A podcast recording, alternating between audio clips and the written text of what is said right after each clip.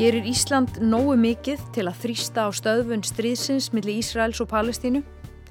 Höfum við úrræði til að hjálpa til í aðstæðum sem sagðar eru eitt versta mannúðar ástand í sögunni? Hvað geta íslensk stjórnvöld gert betur og hvað geta almenni borgarar gert? Breytir það einhverju að styrkja mannúðarsamtök og hvaða mannúðarsamtök er gaglegt að styrkja? Er það kannski bara leið til að kaupa okkur friðþægingu, svo okkur líði ögn betur yfir hryllilegum fréttum af morðum og þúsundum saklausra borgara? Í dag og á morgun ætlum við að leita svara við þessum spurningum. Við ætlum að ræða við Láru Jónastóttur sem lærði friðar og átakafræði og er með mikla reynslu af mannúðastarfi mið Östurlandum. Hún hefur meðal annars starfað fyrir hjálparsamtök á við lækna án landamæra. Já, ég hef unnið svolítið með Ísturlöndum, ég var í Líbanon uh, að vinna þar og þar auðvitað eru flótumenn frá Palestínu líka og svo síðar var ég að vinna hjá UNRWA, flótumannastofnum palestínumanna í Jérúsalem og var þá á Vestubakkanum. Við ræðum einnig við Kára Hólmar Ragnarsson sem er lektor í þjóðarétti við lagadeild Háskóla Íslands. Hann veit hvaða reglur gilda í stríði og þekkir kerfið sem hannað er af alþjóðasamfélaginu til að bregðast við slíku ástandi. Við sjáum þetta í átökunum bæði í Ísrael og Palestínu og í Úkrænu að það eru aðstæður þar sem að kerfið bara á ekki svar við. Sem lögfráður aðili, serðu þá einhverja leið til þess að önnuríki geti stöðvað þetta stríð? Ég held að sum ríki hafi meira vægi en önnur eh, ef að ríki eins og bandaríkin myndu beita sér fyrir því að, að stjórnvöldur Ísrael skiptum stefnu þá myndi það auðvitað hafa miklu mun meiri áhrif heldur en ef að Ísland myndi gera slíkt.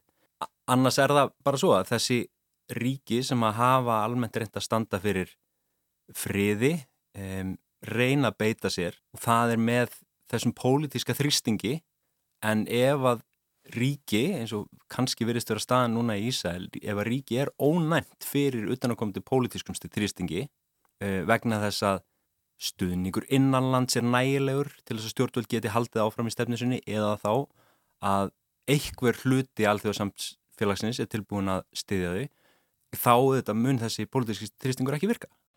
En við byrjum á viðtali sem byrtist á BBC fyrir tæbri viku síðan við samstarfskonu Láru hjá læknum án landamæra, barnalæknin Tönju Hassan. Viðtalið hefur farið sem eldur í sinu á samfélagsmiðlum og vakið gríðarlega viðbröð en þar lýsir Hassan sinni upplifun að stríðinu. Heyrum örstuðt brott. This is an avalanche of human suffering that's 100% man-made. It is the, the worst humanitarian catastrophe I've experienced in my lifetime and in my growingly long career in humanitarian medicine. And it's burning through the hearts of every single humanitarian that I know.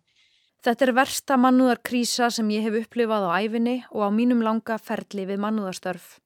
Þetta nýstir inn í hjörtu allra mannúðarstarfsmanna sem ég þekki.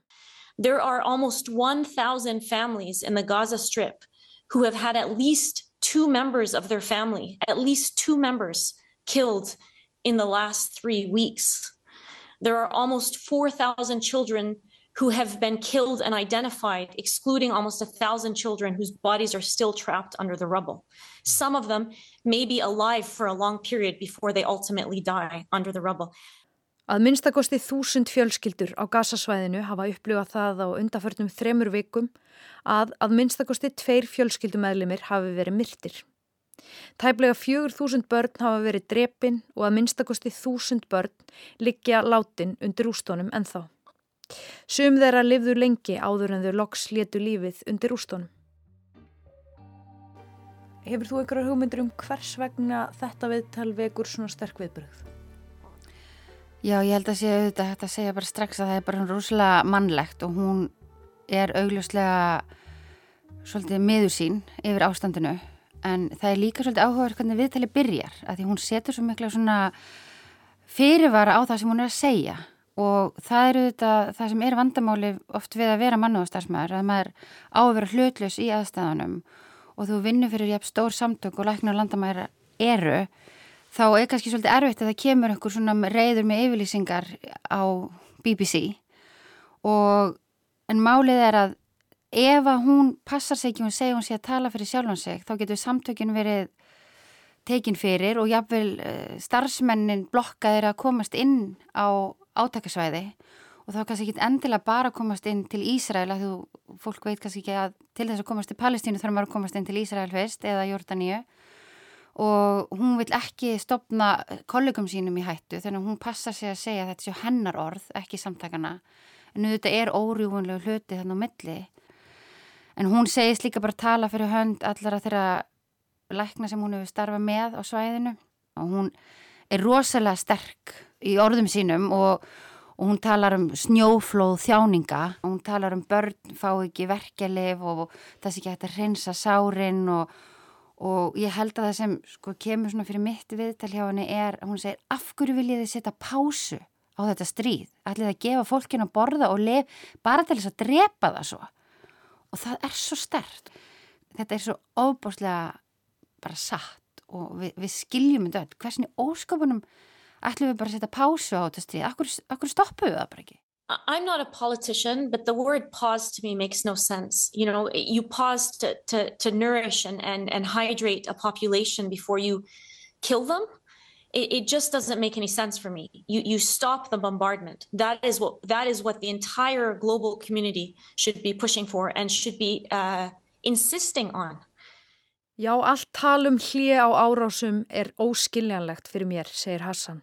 Stöðvið árásinnar, það er það sem allt alþjóðasamfélagið ætti að krefjast. What is needed is a humanitarian truce or a ceasefire, global intervention, things that were voted for by the overwhelming majority of countries on this planet a few days ago in the General Assembly of the United Nations.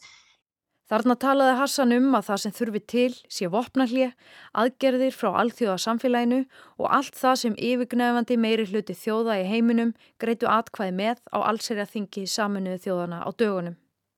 En hvernig virkar þetta kerfi saminuðu þjóðana sem er hanna til að taka á ágreiningsmálum þjóða? Hér er Kári Hólmar. Öll ríki saminuðu þjóðana tala í gegnum allserja þingið og allserja þingis hefur samþygt álíktun sem að flestir hafa veintilega heyrt af það sem Ísland satt hjá en álíktun var enga síður samþygt en hún lýsir yfir ákveðnum uh, ákveðni afstöðu innan alþjóðs samfélagsins. Og síðan er það sterkasta stofnun alþjóðakerfisins sem er öryggisráð saman í þjóðana og það er rauninni algjörlega óvirkt í þessum átökum eins og, eins og vennjan er orðin þegar kemur að hérna, málum í Ísraels vegna þess að, að álíktanir sem eru gaggrindnar á, á aðtöfnir Ísraels eru beittar neitunarvaldi af hálfu bandaríkina og hugsanlega annar ríkja. Þannig að svo framfylgni með þessum reglum sem að alþjóðkerfi sér fyrir sér í gegnum öryggisráðið mun ekki virka. Þannig að öryggisráðið í raun er tilgangslöst í þessu stríði? Já, það er, öryggisráðið mun ekki beita sér í þessu stríði nema að, að því marki að beita sér ekki, sem er auðvitað líka til dækinn afstæða. Að koma í vekk fyrir að um, Ísrael sé beitt einhvers konar aðgerðum. Mér finnst einhvern veginn mikilvægast að fólk muni af hverju þetta er að gerast. Það er Hamas startaði þess ekki og, og þetta er stríðum um landsvæði. Þetta byrjaði ekki núna með, með Hamas að ræna fólkinu eins og uh, Antonio Guterres hefur sagt mjög skýrt. Hann sagði munum að þetta gerðist ekki í tómarúmi hafandi þessa sterku tengingu við Palestínu og mannúðastarf þarna, hvernig finnst þér að fylgjast með fréttum af þessu stríði? Það sem er erfitt er að lesa fréttinar og að lesa nú ætlar þessir, uh, þessi stopnun og þessi ríki að senda fjármagn og, og mannúðrastótt til svæðisins. Það er frábært og það er gott. En það sem fólkið vil, það vil að stríðið sé stöðvað, að þetta hætti þessi vittleysa. Það vill auðvitað fá aðstöðu mat og lif en það vill líka bara að ríkistjórnir taki afstöðu. Það vill að stjórnmólamenn og leðtúar segi nú verður þetta að stoppa. Við skulum ekki halda þessu áfram í annur 75 ár. Þannig að það er svolítið erfitt eins og lesa fréttinnar þegar bandaríkjumenn segjast að senda meiri hjálpar aðstóð og þeir eru búin að setja einhverjar miljónir viðbóti í það. En um leið eru þeir stæsti hernaður stöningsaðili Ísraels. Þannig að þeir eru báðu megin við borðið. Og maður spyrir sig væri kannski betra að taka allt þetta fjármagn, tíma og orgu í að reyna að leita að friðsamleiri laust og þá er ég alls ekki að segja að er ekki að senda mannúðaraðstof á þessi svæði. Heldur bara að þessi litið heildrænt á þetta. Og það er það sem frústræðar oft íbúa þessa svæða. Og það á ekki endilega bara við Palestínu, þá við eh, Rohingya í Bangladesh og, og fleiri svona fólk sem er svona lokað inni í deilum sem alþjóða samfélagið gæti haft mjög mikil áhrif og gerir raun og ekkert nema bara svona senda pening og segja hérna við erum að hjálpa ykkur. Sem allir eru þakkláttur fyrir en það þarf meira, það þarf að taka afstöðu og þannig geti Ísland líka tekið afstöðu.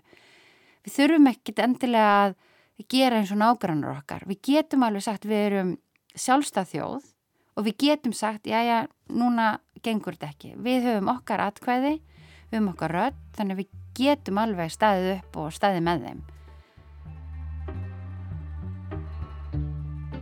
Hafa Íslandinga gert nóg til þess að beita pólitískum þrýstingi til þess að fá enda á þetta stríð?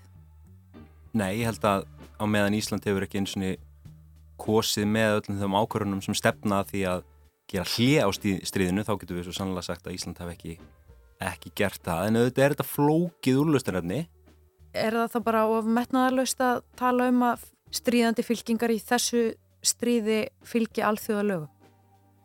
Það er algjör lámaskrafa og það má alveg hugsa sér hvort að þessi áhersla á að fylgja þessum lámarsreglum sé sko jafnvel bara einhvern veginn íta undir frekari, já lögumæti frekari valdbeitingar vegna þess að eitthvað sé innan ramma alþjóðlega þá sé þetta í lægi og ég held að við getum gert meiri kröfur til þess að sé erfiðar að fá, fá lögumæti yfir því að vera að drepa saklust fólk.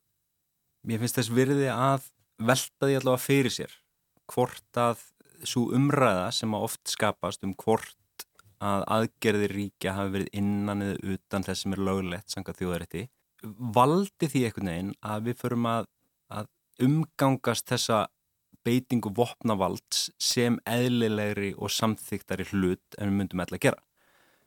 Sem sagt, ef við erum alltaf að tala um það hvort að e þessi árás eða hinn hafi verið innan eða utan rammans og rammin er mjög matskendur þannig að meðan umræðan er um þetta þá erum við einhvern veginn að ganga út frá því að þessar árás að sé í grunninn uh, einhvern veginn lögumætar þannig að ég held að sé einhver áhætta þarna um að við förum að með, meðhundla þessar árás þessi beitingu vopnavalds sem er svona sjálfsæðan og eðlilegan hlut. Þurfum við bara rétt að aðtuga hvort að það hefur verið fram til stríðskleipur og ef að svo var ekki þá ekkert veginn munum við halda áfram að ganga út frá því að þetta sé, e, sé þó bara löglegt sko. Og þetta er e, að mínu vati daldið, e, ég skautar fram í þessu aðalatrið um það hvort að við samþykjum stríð sem bara einhvern veginn eðlilegan hlut. Það er, væri alveg bara lítið mál fyrir Ísland að taka sömu afstöðu á Norrögur og það gæti tekið sterkari afstöðu ef þau myndu vilja. Þau kannski segjast hafa einhverja hagsmun að gæta og, og að það þarf að gæta þess að það var ráðist á Ísraela og nú þarf að gæta þess að, að þau hafa rétt til þess að verja sig. En mannúðar lög segja til um að það þarf að vera hlutfælslegu viðbræði við árásina og það er náttúrulega laungu komið fram á því og það viðkenna það allir og jáfnvel Ísraelar svona næstu því bara færðinir að segja já við ætlum bara eða þeim út við ætlum ekki að láta þetta gerast aftur, við ætlum að eða út Hamas. Þannig að þá er þessi, svona, þessi orðræðum að, að, að við þurfum bara að passa okkur að taka ekki ofsterk afstöð, þá er hún kannski svolítið farin út um klukkan. Við höldum áfram að ræða stríð og frið við Láru Jónastóttur og Kára Hólmar Ragnarsson á morgun. Þá veltum við upp siðferðslegum spurningum við lögfræðina í stríði. Þegar átökin eru lögfræði vætt, þá er einhver undirlegjandi útgangspunktur um að þau séu lögmætt. Það sé réttlætanlegt. Og við ræðum um hvað gagna geri að stjórnveld ríkja eða einstaklingar seti fjármagn í mannúðastarf. Já, mér finnst þetta svolítið svona að vera að kaupa sér frið þægingu, svona eins og fólk á það til að gera í dag. Það stiður einhver samtök og, og finnst að hafa gert svona góðverk